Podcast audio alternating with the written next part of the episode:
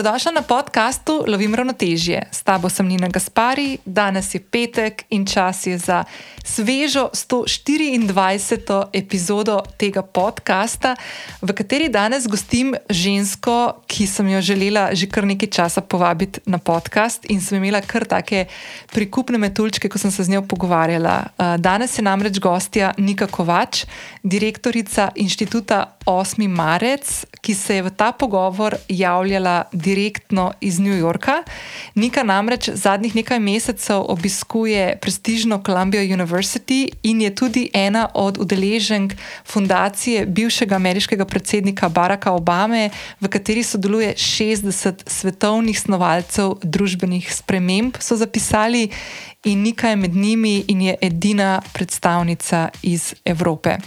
Z Niko se danes pogovarjava o številnih stvarih, od njenih začetkov in prvih korakov v svetu, aktivne vloge v snovanju nekih družbenih sprememb, oziroma nekega aktivnega delovanja na različnih področjih, ki so se kasneje združila pod inštitut 8. marec. To je kampanja Čas je za, pa samo ja pomeni ja, in seveda.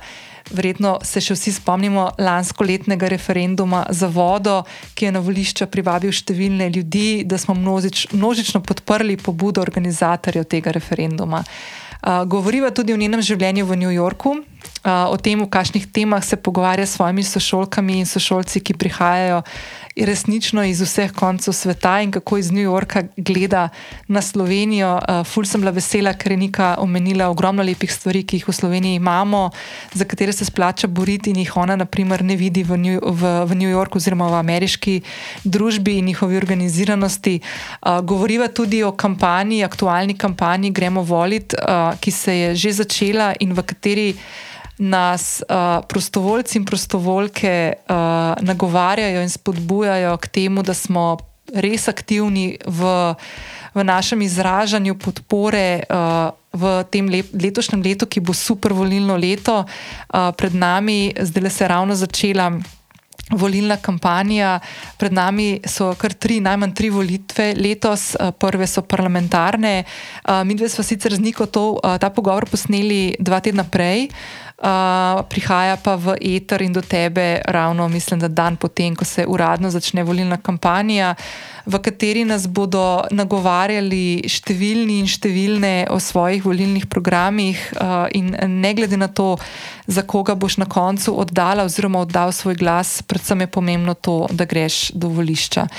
Um, še eno stvar, ki jo nismo izpustili in je blazno pomembna tudi v luči vsega, kar se v zadnjem času dogaja, še toliko bolj kot morda prej, je, eh, so ti nespodobni in žaljivi komentarji in komunikacija, ki jih Nika in njene sodelavke in sodelavci dobivajo prek družbenih omrežij, celo od samega predsednika vlade, prepogosto krat in kako vse to vpliva na njo. Nika je nedolgo nazaj uh, tudi pokazala vpliv takih uh, komentarjev uh, in s tem uh, dobila ne samo na svoji osebni moči, uh, ampak tudi na tem, da se ljudi, ki uh, so deležni žaljiv, pa ne gre za niko ali pa za tebe ali pa mene.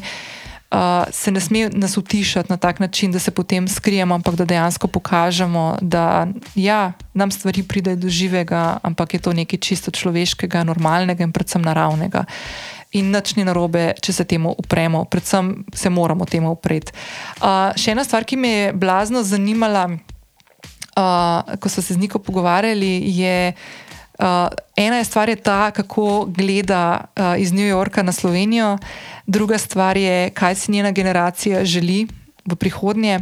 In predvsem, uh, Nika se čez nekaj mesecev vrača v Slovenijo, zanimalo me je, v kakšno Slovenijo se želi vrniti. Uh, Uh, še ena stvar, aktualna je trenutna kampanja Gremo volit. Uh, na zapisu epizode, ki te že čaka spodaj v opisu, uh, sem unesla vse uh, povezave do kampanje in do informacij, ki ti lahko pridejo prav, če želiš tudi ti podpreti, sodelovati uh, pri tej kampanji v svojem lokalnem okolju. Boš dobila, oziroma dobil tam številne informacije, ki ti lahko pridejo prav. Uh, in uh, v teh dneh uh, inštitut 8. marec zbira tudi podpise za zakon zakon proti škodljivim ukrepom oblasti, ki ga Nika kar nekajkrat omeni v najnem pogovoru, pogovoru in tudi to lahko podpreš, če meniš, da si zasluži tvojo podporo s podpisom na enem od mest, ki bodo verjetno tudi nekje v tvoji bližini. Preden skočiva v današnji pogovor z Niko, te vabim, da če še nisi prijavljena na podcast Lovim ravnotežje, to lahko storiš zdaj prek aplikacije, na kateri trenutno poslušaš to epizodo. Vedno mi lahko pošlješ tudi zasebno sporočilo na Instagram, lahko tudi potegaš me, ko boš objavila, da poslušaš to epizodo ali katero koli drugo na svojih družabnih omrežjih, da se ti zahvalim in podelim tvoje sporočilo sporočilo tudi naprej. Uh, s prijavo dajo ocene in mnenja na aplikaciji, pri kateri poslušaš podkaste, pomagaš meni, da za ta podcast, ki ga z veseljem ustvarjam uh, in oddajam epizode vsak petek uh, v svet, da zanj slišijo tudi te podobne ženske in moški. In kot sem omenila, tudi tokrat te spode v opisu čaka povezava do zapisa epizode. Kjer lahko najdeš a, povezave, ki smo jih danes omenili z Niko v epizodi, in tiste, prek katerih lahko Niko spremljaš tudi v prihodnje, oziroma inštitut 8. marec uh, in ekipo, uh, katere del je tudi Nika. Uh, hvala, Nika, še enkrat, da si se oglasila. Uh, jaz pa vam želim en, le, en lep petek, lepo poslušajte to, res je krasen pogovor in uh, imejte se na vse lepo, ko boste poslušali najmen pogovor z Niko. Draga Nika, dobro jutro v New York. No, je živijo. Živijo, kako si? Pa v redu sem, v bistvu sem um, tako. Ostala sem že ob sedmih, ker smo en video snimali z, inštitut, z inštitutom, zdaj pa čakam, da tukaj odprejo, kjer živim, uh, našo menzo, da dobim prvo kavo in zajtrk. Oh, okay.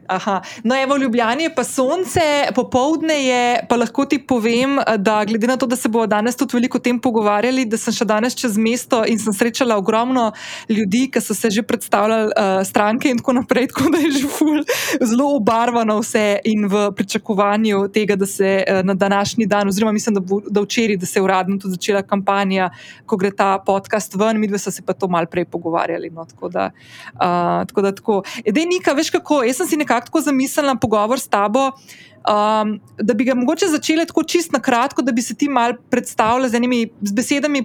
Ker mogoče v tem trenutku, zdaj, ko se pogovarjaš, ti najbolj tako prikličajo uh, tvoje misli, ker verjamem, da večina ljudi te itak že pozna in so že veliko tebe slišali, pa ne bi zdaj tukaj fule enih besed zgubljala, ker verjamem, da te ljudje poznajo. Ampak čisto, kako bi danes uh, na, ta, na to sobotno jutro pri tebi se predstavlja uh, nekomu, ki mogoče te še ni spoznal. Ja, jaz bi rekla na to jutro, da sem jaz totalen kaos, ki pa se nekako spravi v red uh, in uh, deluje urejeno na dveh nogah. Um, sicer pa pač preklapljam med različnimi vlogami. Uh, trenutno vloge, ki jih najbolj intenzivno živim, uh, so to, da sem študentka na Kolumbiji, pa raziskovalka, da sem uh, v bistvu članica skupine Obama Scholars v, na, v Ameriki in da imam v bistvu fulenga programa z Obamovo fundacijo, direktorica inštituta 8. marec in koordinatorka kampanje Gremo voliti. Ker si rekel, da si kar kaos. Kako pa ti tako ponovadi presep, pol to preklopiš iz tega kaosa, kaosa v nek red, da potem postaviš vse te vloge, ki si jih zdaj umenila, v neko zaporedje oziroma v nek red? A imaš kakšno rutino ali kaj? Skaj, meni se zdi, da jaz imam, pač, da ful dobro lahko gledam širšo sliko, pa da če je treba sfurati recimo eno kampanjo, uh, bom zelo mirna, pa fokusirana, pa znala bom uh, stvari odpeljati. Pol pa, um, ko pridem do v bistvu uh, nekih življenjskih stvari, do tega, da se je treba držati rokov, občasno plačati položnice, um, ne zamujati, zgubljati ključe. Mislim, povem na celi, celi črti. Tako da se mi zdi, da uh, mi potem svalijo neke te življenjske stvari in je to lahko za moje bližnje kar naporno. Aha, ok. Umenila si, da si zdaj, da živiš tukaj v bližini Kolumbije, oziroma prav na kampusu, verjetno, ali ne? V bistvu živim v International House, to je uh, tle na Manhattnu, uh, hiša za um, raziskovalce, neki profesori, gostujoči so tukaj, uh, mi pa potem neki študentov uh, in imamo vsi svoje stanovanja. Uh, hkrati je pa to en tak velik kompleks, kjer imamo svojo knjižnico, uh, igralno sobo, um, študijsko sobo, menzo. Tako jaz, ko sem prvič prišla, um, se mi je zdelo, da sem na Brudovičarko prišla od Harryja Pottera. Potterja, nek ta čist surrealen feeling enega čist drugega življenja. Ej, uh, v bistvu si zdaj že, kdaj si prišla prvič gor v New Yorku v sklopu tega programa, že septembra? Ja, konec septembra, začetek oktobra. In, in ustajaš kaj nekje do konca maja, planu? Ustajam do 31. maja, zdaj za, na začetku mi je bilo grozno težko, ker v bistvu, um, je to full veliko mesto, pa zelo v bistvu mesto polno samote, ne, ne glede na to, koliko.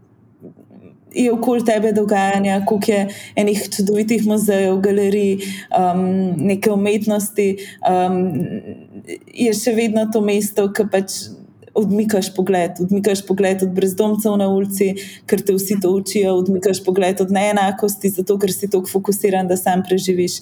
In to je bilo meni grozen. Zdaj v zadnjem obdobju pa sem se tudi tle nekako začela počutiti podobno domače, dobila sem svoj krog prijateljev in mi bo težko iti. Uh, sem se pa odločila, da um, 31. maja se meni tukaj konča program.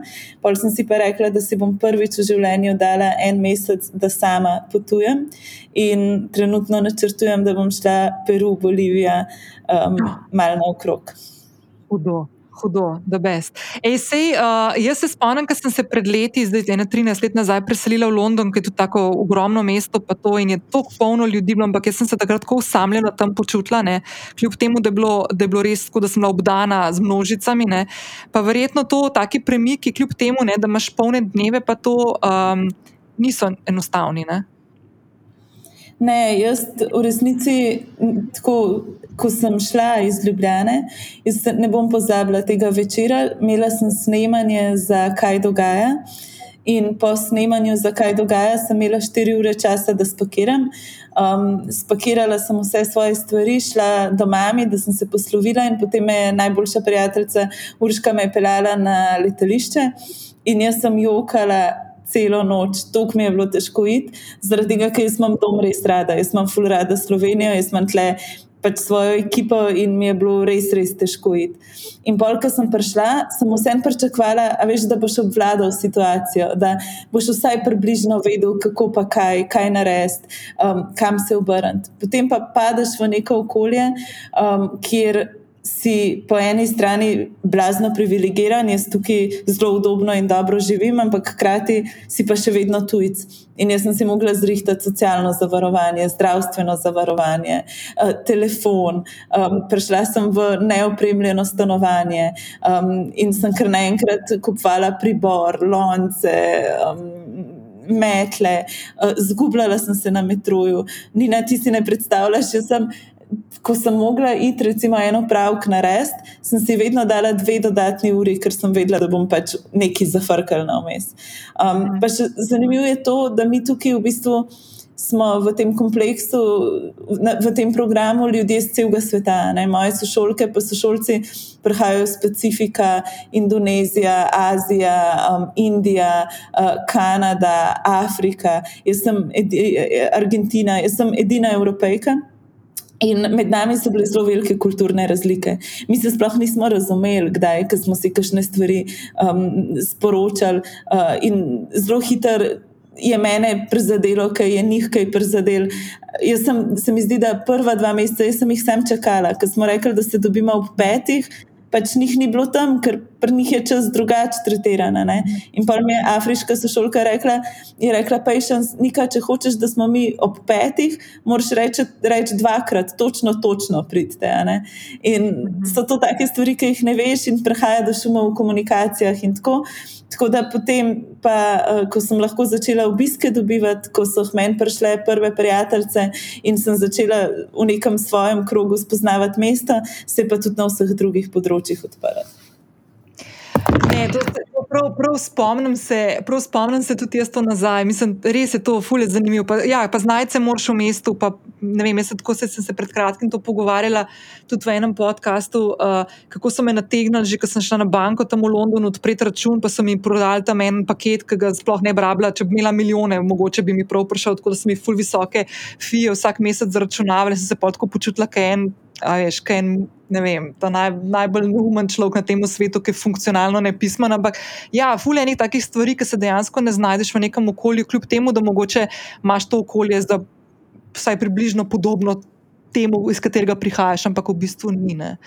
Um, ej, veš, kaj sem te hotela vprašati? Ti si še vedno tako ful povezana, se bodo do tega še prišli, um, do vseh teh aktivnosti, ki jih počnete, ampak zelo si povezana s Slovenijo. Povedala si zdaj, da si imela tudi obiske. Jaz sem to malo spremljala zelo v zadnjem času, ko si imela, si imela te zadnje uh, kolegice in kolege gor.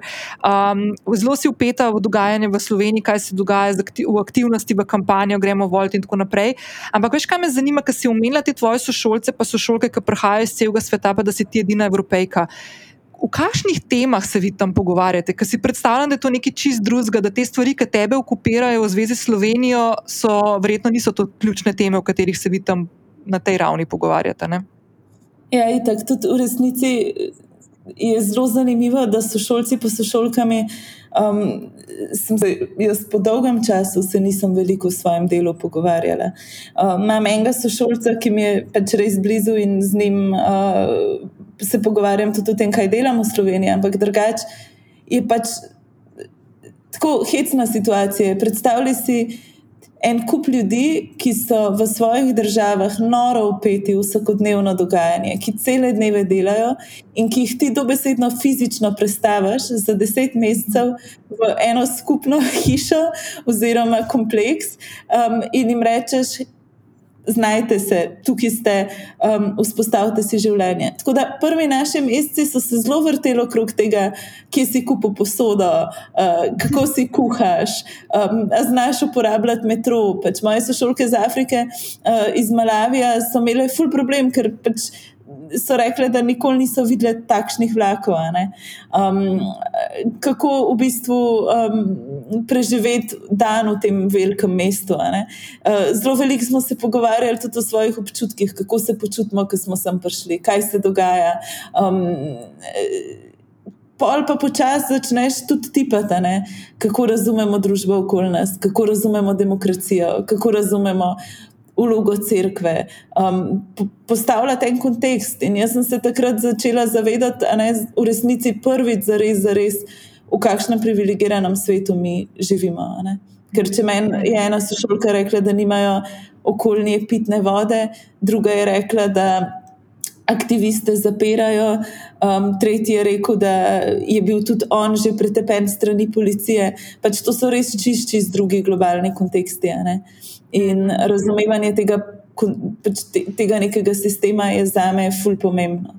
Um, mhm. je pa tako, kaj, kaj se mi pogovarjamo v filmih, o knjigah, zelo veliko se hecamo, uh, zadnje dni se tudi veliko smejimo. Uh, Tako imamo tudi nek ta črn humor, ki ga pol pridobiš, ko se norčuješ sami sebe v, tej, v, v neki tej situaciji. Ne? Drugače, širiš na samem programu, je pa v bistvu tako, da um, je fokus na um, tem, kako funkcionira Amerika. Um, en del programa je v bistvu pripravljen na način, da nam predavajo ljudje, ki so furali Obamovo administracijo, torej ljudje, ki so zares sprejemali odločitve, um, od bivšega poveljnika vojske. Vsak teden imam jaz seminar z um, bivšim. Um, Secretary of Chamber, to je kot finančni minister, torej človekom, ki je sprejemal odločitve o financah za cel svet. Um, uh, potem delamo z um, razno raznimi, z vodjo PR-ja od Obame, z um, njegovim strokovnjakom za nacionalno varnost. In v bistvu je to en zelo zanimiv pogled, ker prvič jaz res razumem, kako svetovna politika deluje. Hkrati je pa tudi mhm. meni strašljivo, ker v bistvu se vidi, kako malo v Sloveniji mi lahko naredimo, koliko stvari so določene, kar nekje druge. Um, pa imam pa jaz mhm. še predmete na Kolumbiji. Um, moj najljubši predmet ta semester je predmet, ki ga vodi um, Steven Friedman. Uh, bivši direktor MTV-ja, jaz se hecam, da je to človek, ki je vse nas uh, vzgojil. Um, in me uči o tem, kako se delati kampanje um, in kako se skozi pop kulturo spremenjati družbo. Uh -huh. pa, okay, mogoče, en, en, da naredimo en tak preskok ali pa korak nazaj, ali pa tudi ne. No, pa mogoče, po, da povežemo to, kar si zdaj povedala, pa kaj se učiš, pa v pogled, ki ga dobivaš uh, in skozi program, in skozi uh, te predmete, ki jih imaš pol na Kolumbiji. Um, 8. marec, ne? inštitut 8. marec je, koliko star zdaj, zdaj že? Uh, šest let. Kdaj je bil ustanovljen? Šest let je že, Aha. ne. Okay. Ja, pa ja, verjetno takrat, ko je bil ustanovljen. Ja, kar povej, kar povej. Ja, po kampanji čas je za, ki sem jo jaz koordinirala. To je bil, ja, in ustanovljen je bil, kakšen je bil ključni razlog, uh, da, da je bil ustanovljen, in kako se današnje aktivnosti razlikujejo, oziroma mogoče, ali pa mogoče ni prava beseda, razlikujejo, mogoče nadgrajujejo to, zaradi česar je bil ustanovljen. Ja, veš kaj, meni je bilo v bistvu, jaz sem čisto na ključu koordinirala kampanjo Čas je za.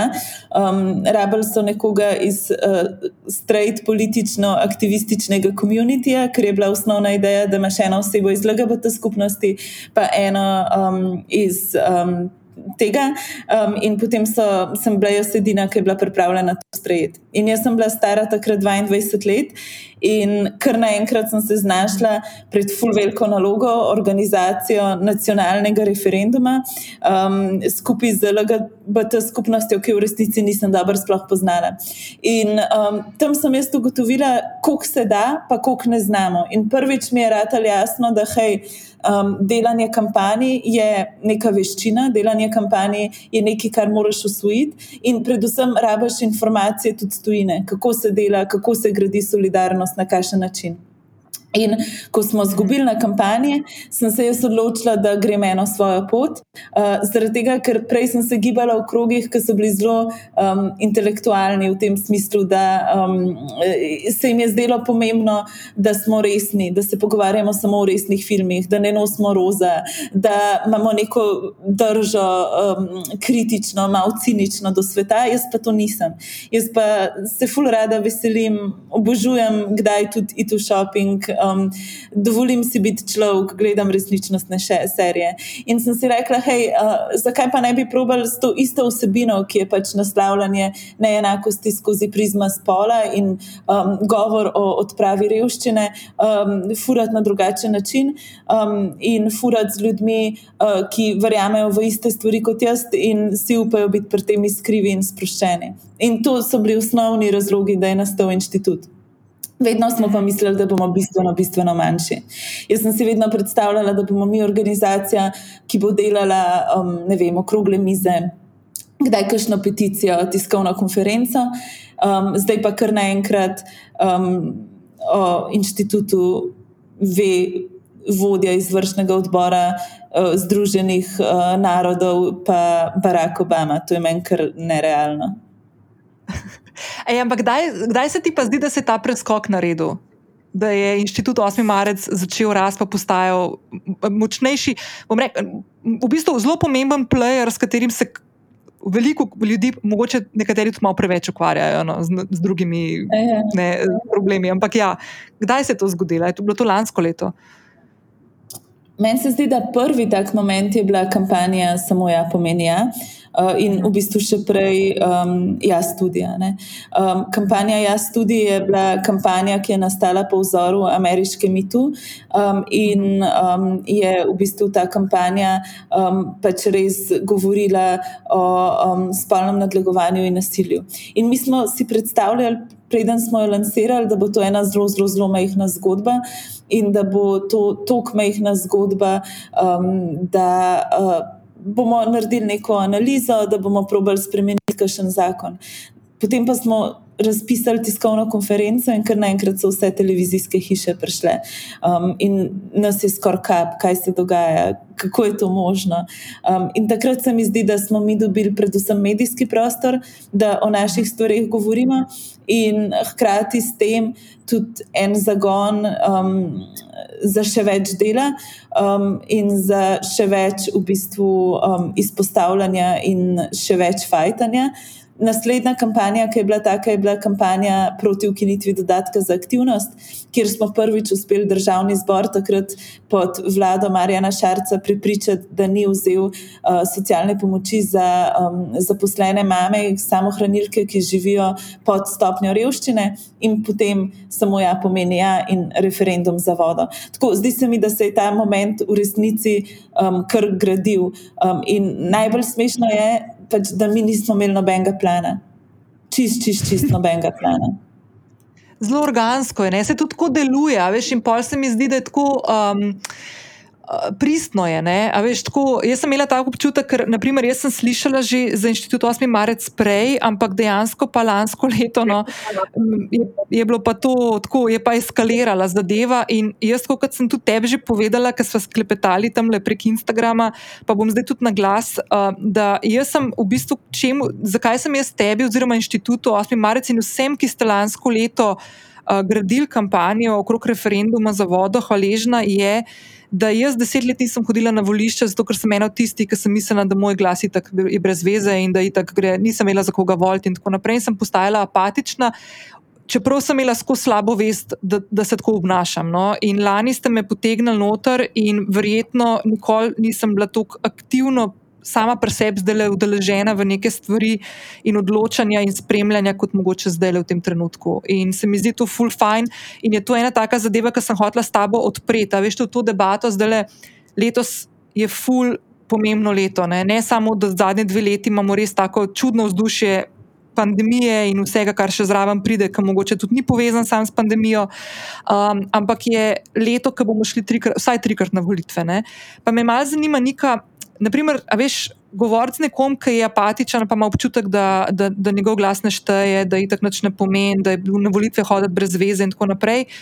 Na kakšen način um, misliš, da bi bilo fino tazga človeka, s kakšnimi argumenti ali pa kaj, kaj je tisto, kar se boste tudi vi trudili v kampanji, zdaj gremo volt, ko boste spodbujali posameznike, da grejo oddajati svoje glasove? Ja, um, meni je bilo to hecen, ker smo prvi tedni referenduma, uh, kampanje uh, za referendum, so bili za me res eni najtežjih tednov. Zato, ker nas je bilo izjemno, izjemno malo in um, skozi smo imeli občutek, da absolutno ne bo ratelj. In takrat se je meni dogajalo, da so me ljudje ustavljali na cesti in so govorili, hej, um, sej podpiramo. Ful se nam zdi pomembno, da to delate, ampak ne bo vam ratelj. In jaz sem na eni točki začela govoriti, da ja, nam res ne bo ratelj. Nam 15. absolutno ne more ratelj, nimamo PR agencij, ker nimamo denarja, ker pač nimamo neke politične moči. Smo pač skupina uh, mulcev, ki se je odločila spremenjati stvari. Ampak če se pa vsak od nas aktivira, pa nekaj naredi, pa naredi svojo mini kampanjo, um, pa se bo vse to povezali, nam lahko uspe.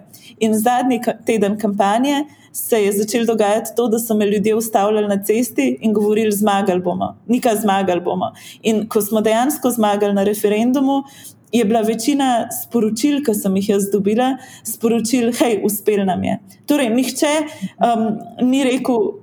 To je bila vaša zasluga, ali pa to ste samo vi naredili. Ne. Obstajalo je zavedanje, da se je tle Slovenija povezala, da smo se vsi odločili uh, nekaj spremeniti, da smo stopili skupaj uh, in da nam je ratele. In to se mi zdi neka taka ključna rdeča nit tega, kar vedno v inštitutu sporočamo. Uh, mi imamo v državi demokratične mehanizme, uh, da lahko nekaj spremenimo. Ful držav tega nima. Jaz sem bila letos en teden, sem bila povabljena, francoska vlada me je povabila, da grem po njihovih institucijah. In sem tam ugotovila, da oni ne morejo zakona skupaj z ljudmi pač uložiti ali pa sklicati referenduma. Mi vse to lahko naredimo. In ko greš enkrat na upravno enoto, um, ko podpreš nek zakon, se nekaj spremeni. Tudi če bi mi izgubili na referendumu, pa tudi če ne bi uspela redefinicija kaznivega dejanja posilstva, bi pokazali, da smo tukaj. In to, da pokažeš, da si tukaj, da drug drugemu kažemo, da smo tukaj, da um, opozarjamo na stvari, da nas je vedno več, je že to, za kar se je vredno pač aktivirati. Glas na volitvah je, ne glede na to, za katero stranko glasuješ, je glas za neko skupnost. Je glas za um, predvsem skupnost ljudi, ki so se v Sloveniji odločili, da ne bojo dovolili, da se jim vzame možnost odločanja, um, in je glas predvsem za to, da um, sam poskrbiš zase, za druge um, in da nekam pripadaš. Mhm. Veš, kaj se meni zdelo takrat polet, lansko leto, ko se je referendum, uh, ja, mogoče res ta, ta zadnji teden, ki si tako res na vsakem koraku, tudi naprimer, tukaj po Ljubljani, videl pa nalepke na kolesih, pa, pa plakate, pa tako naprej. Pa potem, ko je pač prišlo do rezultata, do razglasitve, jaz se tebe spomnim, uh, ne bom nikoli pozabil, to bom zdaj kar na glas povedala. Jaz se spomnim tisti večer, ko si šla ti gostovati na eno od, enega od medijev spletnih in je bil zraven tebe moj uh, znanec iz obale tale gospod Jeretič in sem se mi tako fajn zdel, ker še vedno ni šteku čist dobro, kaj se je zgodilo. In si ga to, tako dobro mi je bilo tisto v studiu, tako prav, da best, sem smisel, tako le, da best. Ampak, veš, ena stvar, ki sem jo jaz tako začutila. In pa sem se tudi v stoti epizodi z Alenko pogovarjala točno o tem. Ne? Eno tako vezno tkivo se je zgodilo med nami, se mi zdi. Tako da, da res, da nisem imel občutka, da si v nekih svojih vrednotah um, in že, želji po življenju, ki ga želiš živeti v tej družbi, ki jo so ustvarjaš, da nisi sam v tem. Da je, da so, da je ogromno ljudi okrog tebe, ki podobno razmišlja, ki ima podobne prioritete. Ne? In se mi je zdelo to takrat, ko full, full the best. In vzdušje, ki se je takrat zgodilo, tisto lansko poletje, je bilo meni tako amazing. Uh, Vsem tem mm. norem, ponorelem svetu, ki, se, ki ga živimo, za, predvsem zadnji dve leti. Uh, Um, tako da, ej, veš, kaj sem te hotel vprašati? Umenila si, da je bilo 15 ljudi uh, vključenih nekako v ta referendum.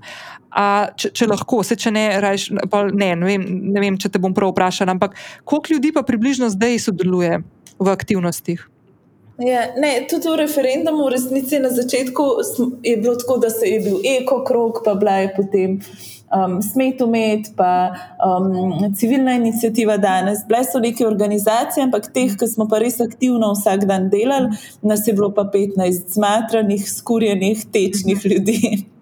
Um, zdaj Je pa tako, da um, se nam je javilo konkretno več kot 2000 prostovoljcev, zelo aktivnih ljudi, tako da delajo vsak dan in da so vključeni v naše delovne skupine, je zdaj okoli 200. Um, in jaz mislim, da um, bo ta številka še rasla, um, kar v bistvu kaže na to, da se nam ljudje res, res, res uh, želijo priključiti in res želijo pomagati. Um, veš, kaj je pa lepo? Lepo je pa to, da um, nismo pričakovali da bomo dobili samo mlade ljudi.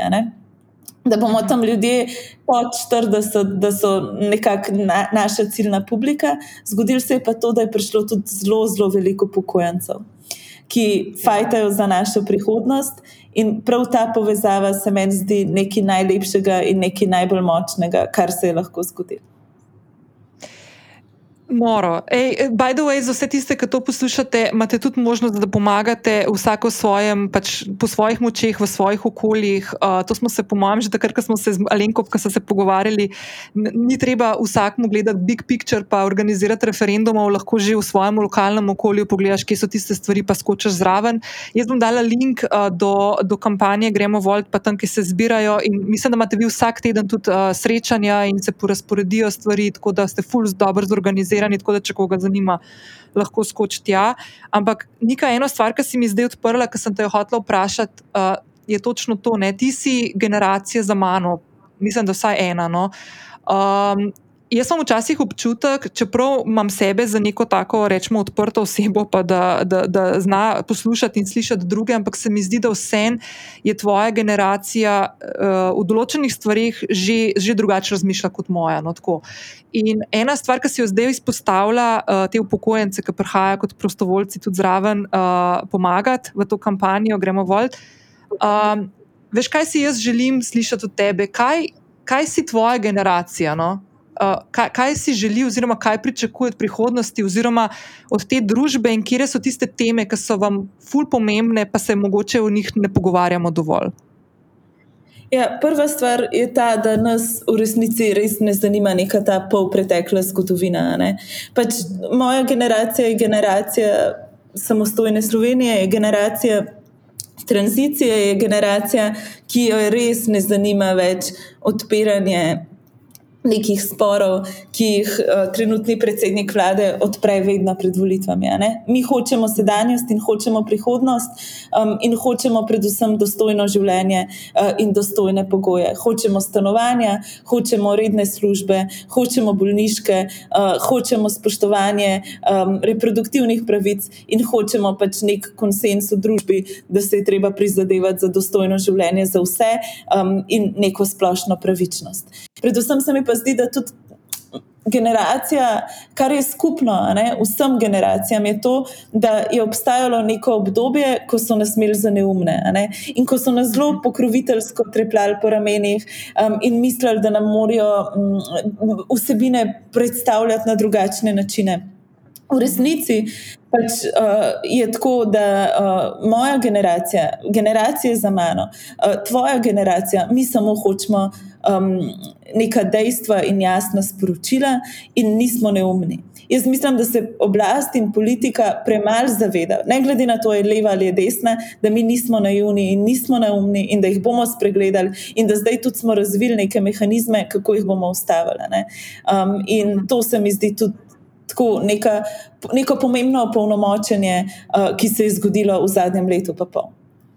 Mhm.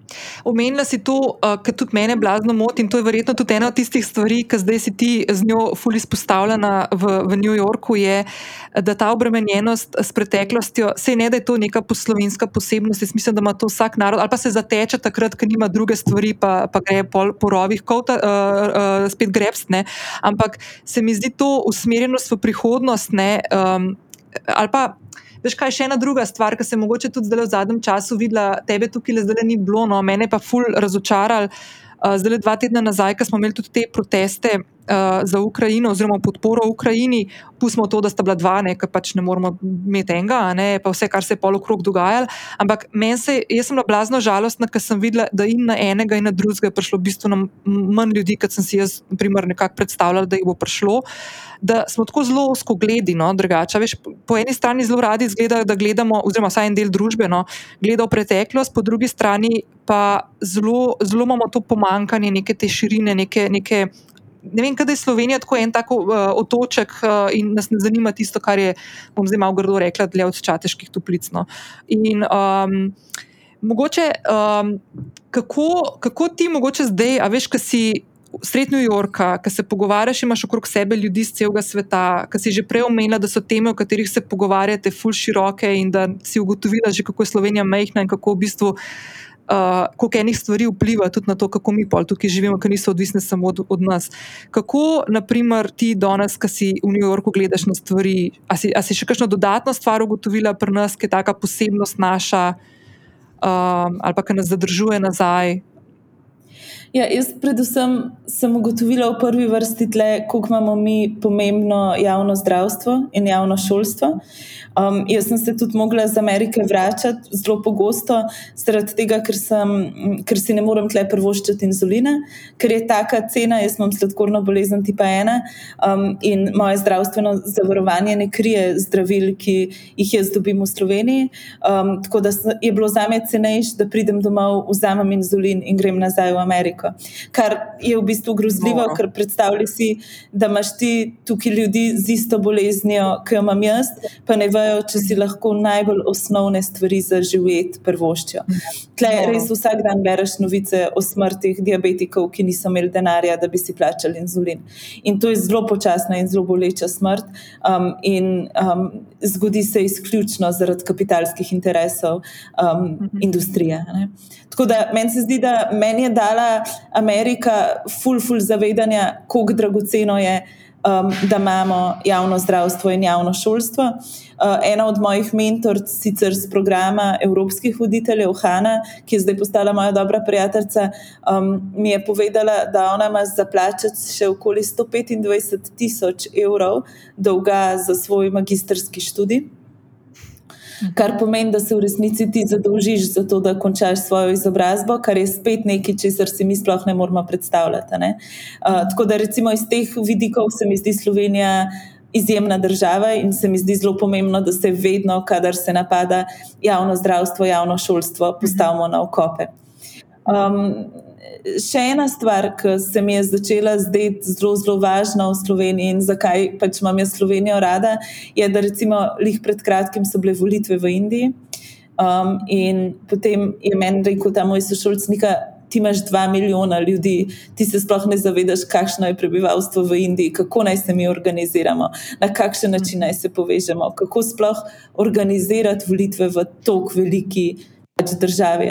In res je, pač mi imamo dva milijona ljudi, mehkost je kdaj grozna, je kdaj zatohla, meni gre na živce, ker vsi vemo vse o vseh, ampak hkrati pa lahko delamo ful velike spremembe. In ful lahko se povežemo, in res imamo možnost ustvariti nekaj čudovitega za vse prebivalce in prebivalke.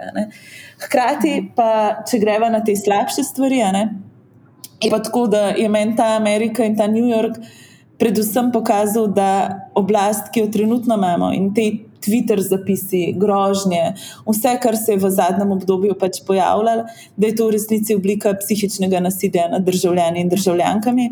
Da imamo nekoga, ki nas konsistentno žali in deluje kapriciozno, da smo živeli v stanju permanentne panike, da nismo vedeli, kako se bodo ukrepi spremenjali, um, da, da, da so tesnobne povezane s tem, da imamo ljudi na najvišjih pozicijah, ki jih v bistvu plačujemo mi sami preko davkoplačevalskega denarja, ki lahko rečejo o nas čist, kar hoče. In to je pač oblika um, zastrahovanja in bullyinga, ki je pač tukaj na ta način trenutno nijane. In distanca od tega vzpostaviti se mi zdi zelo pomembno, predvsem se pa zavedati, da to ni prav. Pa še ena stvar je, je to. Um, Za me osebno je bilo ful vredno ta anonimnost, to, da nihče ne ve, kdo sem, da sem bila te mesece lahko tudi samo kdaj študentka, ki sprašuje neumnosti na predavanjih. Mhm. Ej, to, kar si zdaj omenila, komuniciranje teh naših um, Ja, bom rekla elit političnih, konkretno trenutne, trenutne uh, vlade oziroma njenih predstavnikov in širše podpornikov, no, pa konec koncev tudi na drugi strani. Sej, mislim, da je šla komunikacija čez uh, praktično te spodobnosti ni več. Um, ti si bila deležna kar, kar nekaj teh na takih izpadov, ki so dejansko leteli na te, ki so bili ne samo, da so bili uh, izpodpasnični, ampak so bili tudi agresivni, uh, ja, nasilni, dobesedno. Pa ena, en, še ena stvar, ki se jo zgleda te gospodje in gospe, tudi gospe, ne zavedajo, oziroma ali pa. Pozabijo na to, ali pa se sploh ne ukvarjajo s tem, kdo bi vedel, je, da uh, vsakič, ko to v nekoga usmerijo, uh, usmeril dejansko še potem celo neko gardo in trop nekih svojih podpornikov na te dotične osebe, na katere se nanaša določena sporočila. Ne. Pa me zanima, ker uh, jaz sem na takrat full vesela, mi je bilo grozen, ker sem videla, da te je prizadel, da si pokazala, da te je prizadel, ker doskrat smo pač. A veš, pa malo naučeni tudi tako, da tega ne smeš pokazati, ne, da ti nekaj pride do živega, ker s tem ne bi odprl vrata, pol, da te bo še dodatno zadel. Ampak meni je bilo fulu všeč, da si pokazala, da te je to prizadel takrat. Zelo na zadnje, mislim, še mesec, dva nazaj. Uh, zato sem ti jaz takrat tudi pisala in se mi je zdelo tako ful pomembno, da ti povem, da, da tudi z moje strani, da, lej, da, da je prav, da to pokažeš, ker se mi zdi, da to ranljivost te naredi res močnejšo in ti naredi tudi konec koncev s časom nek ščit. Ampak me pa vsem zanima ti kot Nika, kot študentka tam v New Yorku, zdaj, ki si lahko prvo že kakšno neumno vprašanje postavil, kot si rekla. Kako, kako drugače ti tako, kako upravljaš s temi stvarmi? To, res, to, to si ne predstavljam, to, to, to niso enostavne stvari. Um, Že meni včasih, ko ne dobim nekih negativnih stvari, mi včasih malo naporno tudi, ali pa odgovarjati na kakšne stvari, ali pa včasih nisi razpoložen. Ne. Da imaš pa pol še tako le take žaljivke in to od ljudi, ki so res na nekih položajih, kot je vem, predsednik vlade in, in ostali, ne, je pa to res, res noro ne, in gre, eskalira. kako, kako preseb najdeš ali neko mirnost, ali kako, v kam usmeriš misli ali pa razpoloženje. Kaj, jaz iskreno, če ne bi bila jaz tukaj letos, jaz ne vem, kaj bi se z mano zgodilo. Um, to je najbolj iskren možen odgovor. Meni se zdi, da um, je bilo težko, ko smo zmagali referendum, Jaz tega nisem pričakovala in jaz tudi nisem pričakovala, jaz nisem govorila javno na soočenih celo kampanjo, nisem šla na niti en ta pogovor, noč, ker sem uh mhm. -huh. delala kako on zadnji in se mi je zdelo, da je moja naloga, da držim vse skupaj um, in da usmerjam delo. Ne. In potem, ko smo zmagali in ko sem jaz pač ti zadnji dan govorila, jaz sem se odločila, da bom jaz govorila zato, ker je bila moja izkušnja po kampanji čas je za, ko smo zgubili da, pač, da, da te ljudje začnejo ful napadati. In sem rekla, hej, jaz sem to koordinirala, prevzemam odgovornost. Ne? Mhm. In pol, ko smo zmagali, se je pa zgodil nekaj drugega, ker naenkrat pač se je veš, v nas usmerilo fulenga pričakovanja, fulenga fulejnih projekcij. Um, in jaz ne bom, ne bom pozabila, šla sva z mojco iz inštituta takoj po tem prvi vikend v Španijo za štirni. In uh, sva, sva videla naslovnico sveta 24, kjer je pisal Nika Kovač, dekle, ki je premagalo Jane Zajanšo ali neki, ki je na tla postavilo Jane Zajanšo. In mojca je takrat sedela v restavraciji na večerji in je mojca rekla, Nika. Um, vse se bo zdaj le spremenil. Um, upam, da bomo ok, pa upamo, predvsem, da boš ti ok, pazi se. In takrat se je potem začel tudi usuvati vse te želivke, vse te, vsi ti napadi. Um, in jaz nisem znala shendlati, ker sem bila ena fulutrujena, um, dva čist zmedena, kaj naj naredimo, kaj so naši naslednji koraki, in tri v resnici. Um, Zgubiš predstavo tega, kam, kako, zakaj, kdo si. Ker čeprav so te napadi sredstva, da se te utiša, čeprav so te napadi sredstva, um, da, um, da nehaš delovati, ne? in čeprav to racionalno veš, vse en deluje.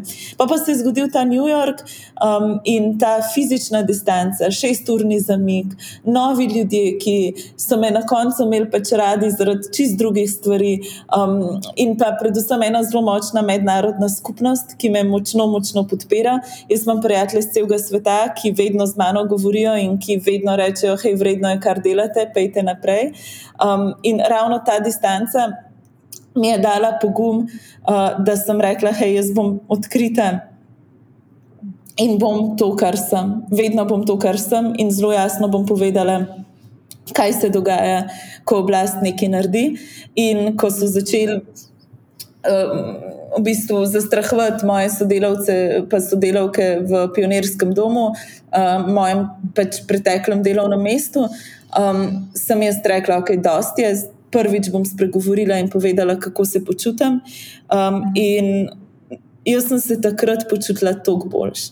Tako, ker se mi zdi, da se vsi skozi pretvarjamo, da nas te napadi, kot si sama rekla, da nas ne ganejo, da se vsi skozi pretvarjamo, da smo ok, da se malo pohecamo, da je neko vodilo, da smo močni, hkrati nam pa s tem ti ljudje vzamejo besedo ne? in moč našega izražanja.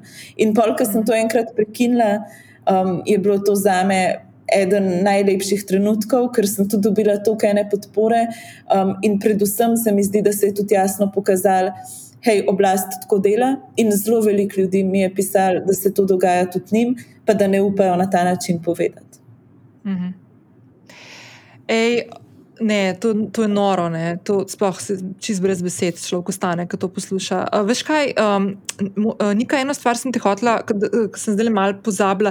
E, ker se malo nanaša na to, na to, kar si zdaj povedala, da si javno izpostavlja stvari, ki se dogajajo. Uh, ena od stvari, ki jih vi na inštitutu uh, delate in so meni ful všeč, so tudi to, da od. Um, da, da te razne um, dele družbe, na katere nekateri ljudje, naprimer, konkretno jaz, nisem nikoli niti pomislila, ker nisem bila v stiku s tem, naprimer, jaz nimam otroka.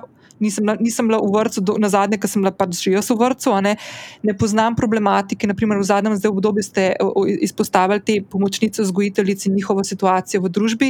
Kaj meni fully všeč pri vas je, da dejansko uh, odkrivate te tančice v družbi, mogoče pozabljenih delov družbe, oziroma delov tistih družbe, ki niso te, bom rekel, navednice, clickbaiterski. Zdaj smo vsi usmerjeni, a veš, lani smo bili usmerjeni ful v okolje, pa je bil referendum za vodo in tako naprej, pa smo pa, pa Anhovo, je bilo kasneje, zdaj so volitve, se bomo pogovarjali, verjetno spet skozi teh klasičnih stvarih. Uh, je pa tukaj še en kup ene, enega dela družbe, v katerih se praktično nihče ne ukvarja zgleda z njimi. Ne?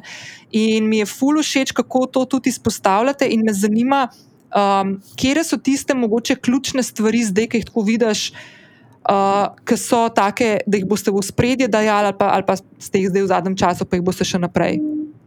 Ja, meni je, sem, zdaj se je nam zgodila ena situacija, ko nam ljudje sami pišejo. Ko pišejo, recimo, zelo podobno je bilo s temi pomočnicami vzgojiteljc.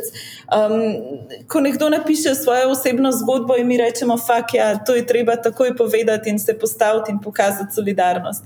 In zelo veliko takih stvari nas najde. Tudi, recimo, ko smo fajtali med um, prvim valom COVID-a za samozaposlene za um, polovični delovni čas, ki so izgubili vso pomoč, pa v prvi vrsti tudi samo zaposleni, ki so izgubili pomoč, um, so nam ti ljudje sami pisali. Ne?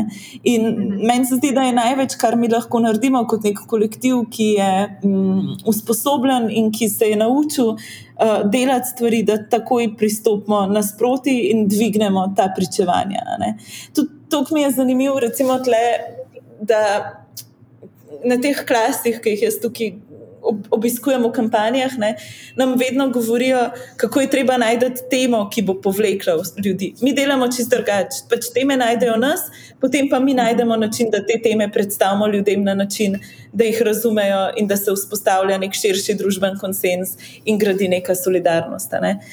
Tako da, um, ja to se mi zdi um, neko naše vodilo, in ravno zaradi tega sploh ne vemo, kaj bomo počeli, recimo, čez pol leta ali pa čez eno leto. Um, tako da zdaj, recimo, na, naš prvi cilj je. Um, Da se sprejme zakon proti škodljivim ukrepom oblasti, da pozivamo na volitve, pol bomo si vzeli en mesec fraj, um, in bomo izklopili vsa družabna omrežja inštituta in počivali, ker drugače bomo razpadali. Um, in hkrati še um, peljali do konca kampanjo Nisem prijavila, ki v bistvu analizira vzroke, zakaj ljudje ne prijavljajo um, nasilja v družini, spolnega nadlegovanja in nasilja. Če me pa vprašaš, kaj bomo mi delali septembra, Nina, pa pač nimam, nimam pojma. Ne bom te tega vprašala. ne bom te tega vprašala, ravno zaradi tega, ker, ker se ful čuti to, um, to organsko razvijanje in tem, uh, in, in uh, celega, celega tega, cele te aktivacije vaše. Pa konc koncev še eno stvar bom to rekla, čisto iz, iz vidika nekoga, ki se s komuniciranjem ukvarja že skoraj 20 let. Um, teme, ki jih odkrivate, probleme, ki jih izpostavljate, ki so doskrat povezani tudi z nespodobno komunikacijo, ki smo se jo že dotaknili malo prej, uh, jo, jih predstavljate na zelo, spoš, samo, ne, na zelo spoštljiv način, uh, ker v svoji kritičnosti si lahko tudi spoštljiv do tizga, ki te dol toče. In mi je to, mislim, tle se res vidi. Um, Ne, ne bom uporabljala kakšne grde besede, ampak bom vseeno rekla, je umski, umski uh, uh, um, raz, razlika v tem uh, dojemanju in načinu uh, delovanja in komuniciranja, konc koncev. No? In se mi zdi, da tudi zaradi tega povlečete ogromno enih ljudi, da vas podpirajo. Sem pa tudi jaz lani, valjda, ne, uh, ker smo bili priča temu, pol, da so bile razno razne vprašanja, uh, ali boste zdaj k stranko šli in tako naprej. Jaz sem si to želela, da se to ne bi zgodilo, pa čisto zaradi tega, ker sem mislila, da ste ful bolj močni, če ste tako organizirani, kot ste in se mi zdi to ful da bestno. Tako da, mm, Nika, veš, kaj ja. sem te. Povej, povej, kar povej. Ne, mislim, v bistvu se strinjam. Pa tudi tako meni se zdi, da ustanoviti neko stranko je resno delo.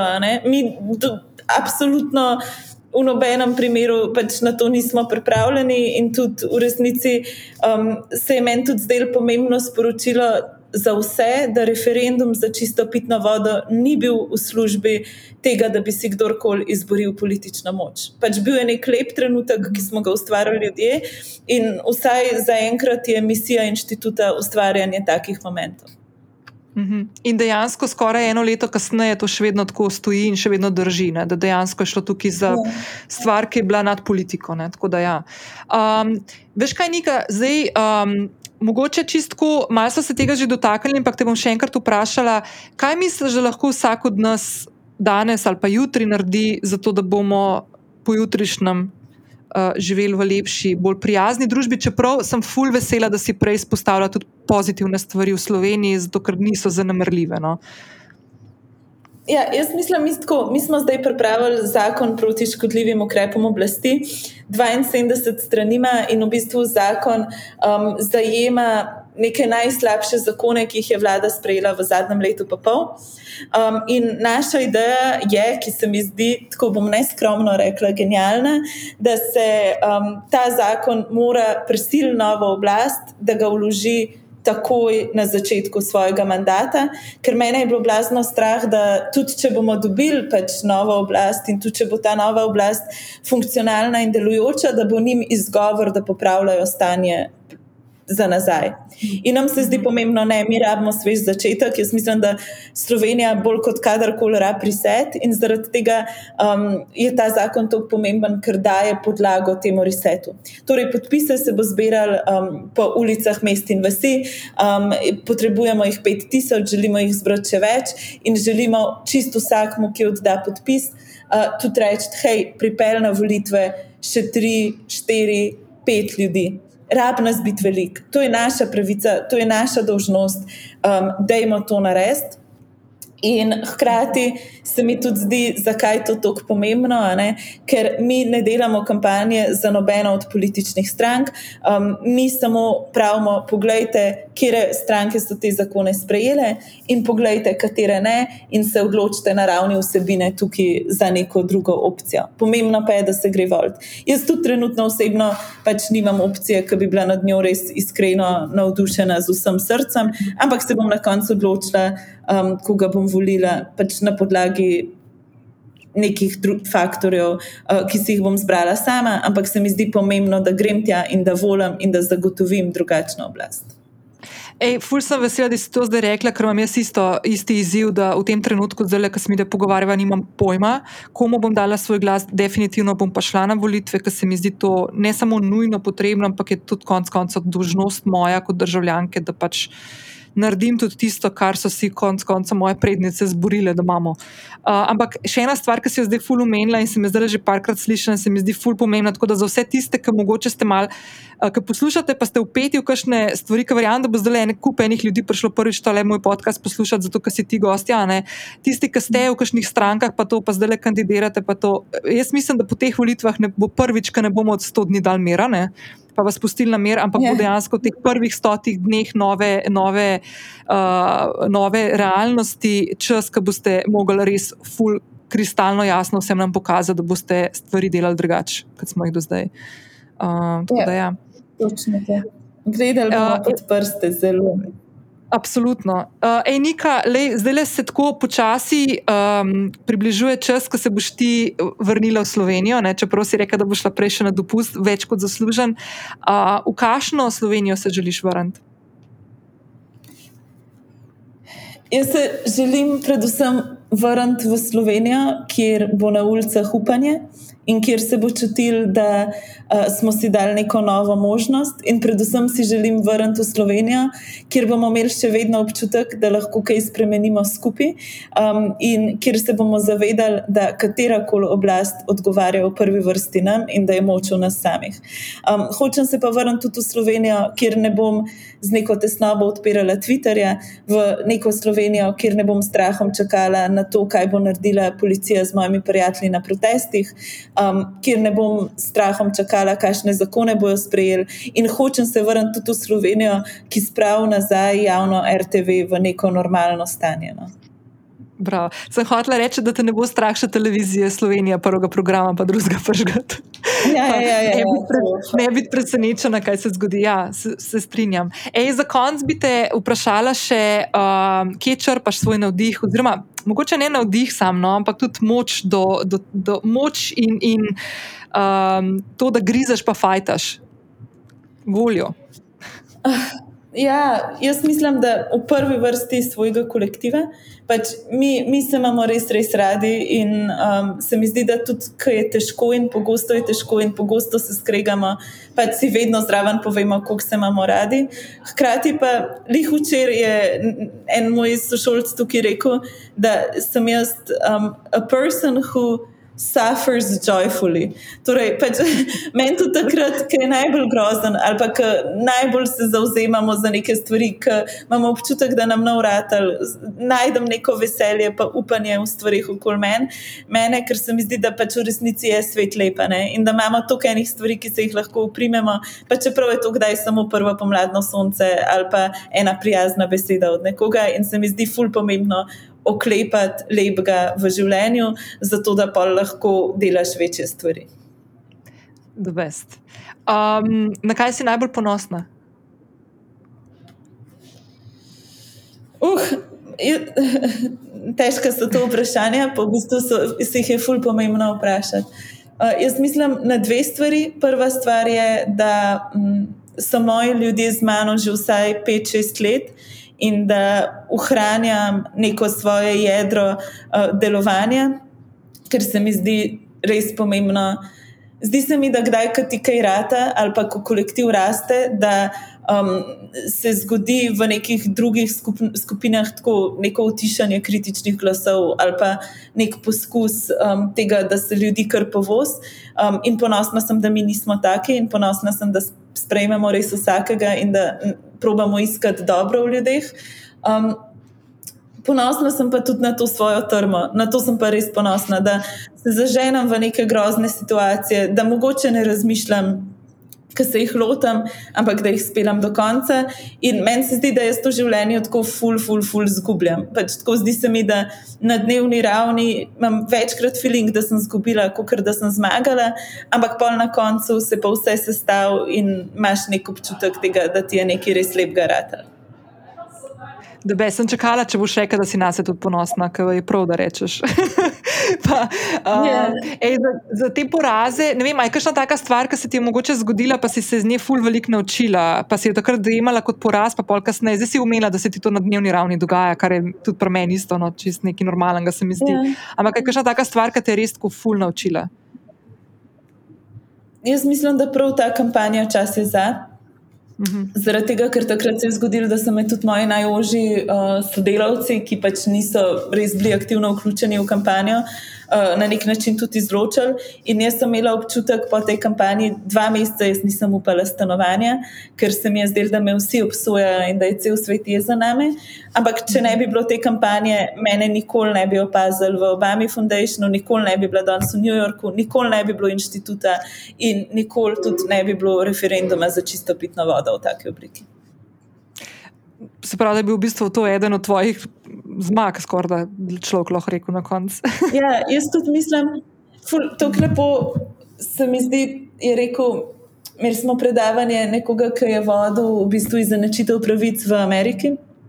In je rekel, ko imaš en cilj, se moraš samo naštimati tako, da vsi porazi so del zgodbe tega, kako boš prišel do zmage. Ne? In ko imaš nek jasen vsebinski cilj, se meni tudi to zdi. V vsaki kampanji se je nam zdel 30krat, da nam na uratelj. Res, pri redefiniciji kaznivega dejanja posilstva, mogoče sam še to uh, malo nostalgično povem. Pač napisali smo zakon za redefinicijo kaznivega dejanja posilstva.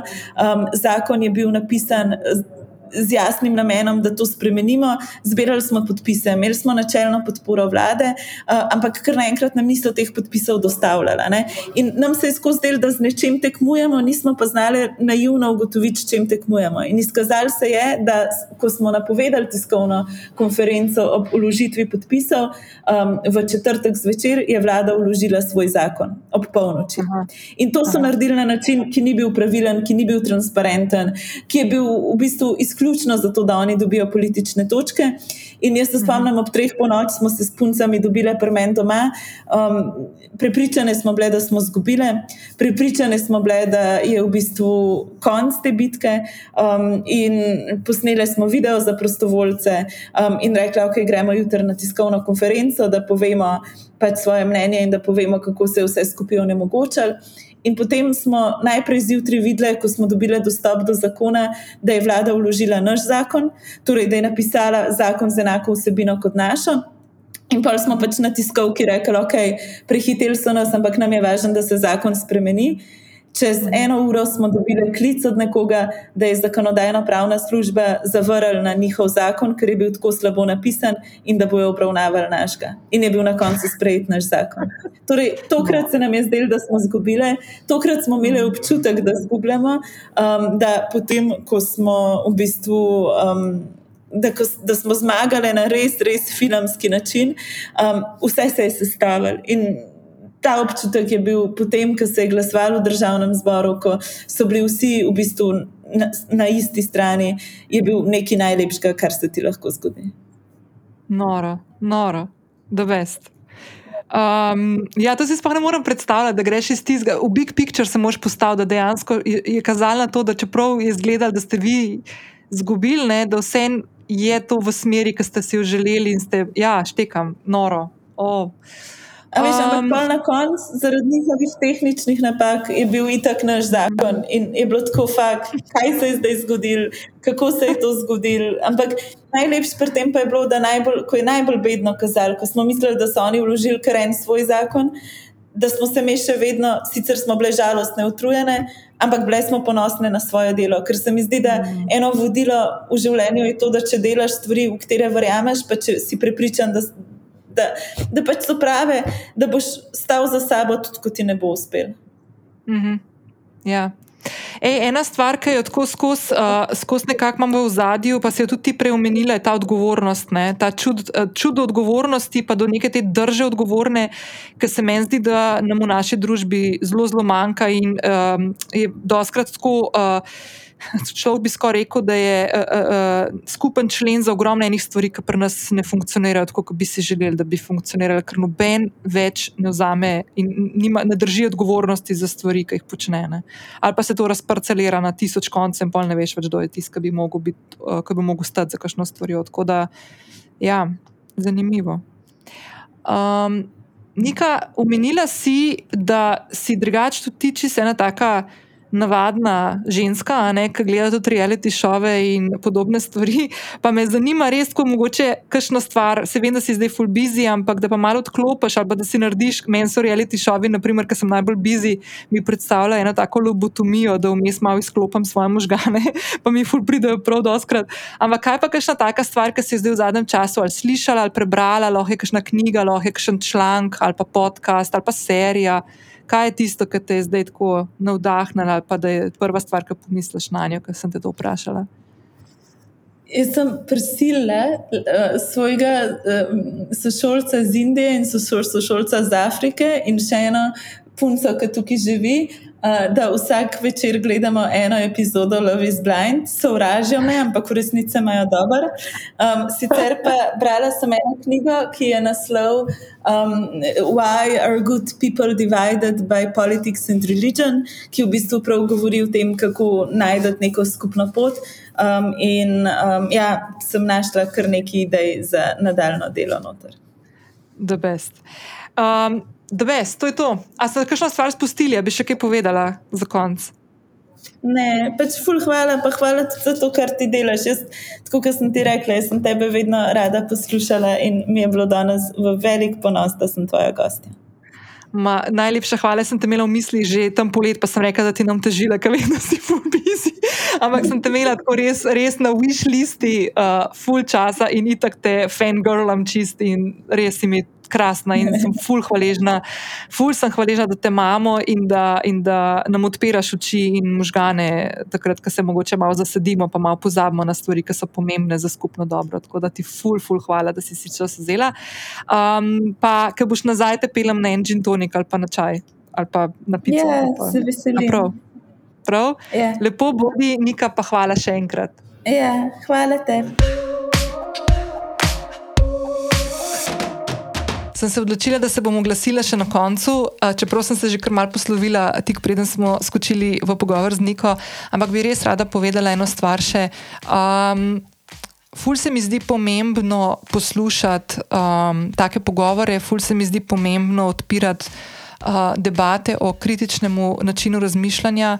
Ni treba, da se vsaki stvari strinjamo, um, pomembno je, da, um, da znamo poslušati, da znamo se spodobno pogovarjati, uh, da ne napadamo vse poprek, zato ker nekdo ne sliši ali pa ne razmišlja na tak način kot mi. Uh, Uh, meni je to ena od stvari, ki mi je najbolj všeč pri Niki in pri vseh aktivnostih, jih, uh, uh, s katerimi se ukvarja, uh, da v, v bistvu uči skozi svojo držo vse nas, kako je pravilno, da se pogovarjamo, kako pravilno je, da stojimo za tistimi stvarmi, v katere verjamemo. Uh, kako pravilno je, da um, spremlj, sprejmemo tudi kakšne stvari, ki se nam zgodijo, ki mogoče niso bile načrtovane ali pa jih mogoče v nekem trenutku jemljemo kot nek poraz ali pa kot neko izgubo, dejansko temu na koncu v nekem uh, širšem pogledu. Uh, temu ni tako. Um, ful se mi zdi pomembno, da se spodbujamo k temu, da uh, vsak od nas si želi družbo, ki je prijazna, ki je spodobna, ki je odprta, ki omogoča vsem članom te družbe tisto, kar želimo sami sebi. In to je naj bo, naj bo popotnica. V naslednjih uh, nekaj tednov, ko bomo soočeni s številnimi idejami, predlogi, programi, obljubami, uh, načrti in tako naprej, naj bo to neko vodilo za vse nas, da gremo najprej na volitve, damo svoje glasove in predvsem tudi, da poiščemo tistega kandidata, kandidatko, listo, program, stranko, ki najbolj se upada s tistimi rečmi, v katere mi verjamemo in potem stojimo za tem, kar smo se odločili. Uh, lepo bodite, uh, uživajte en lep, lep, lep vikend vam želim in uh, se slišimo prihodnji teden. Čau, čau!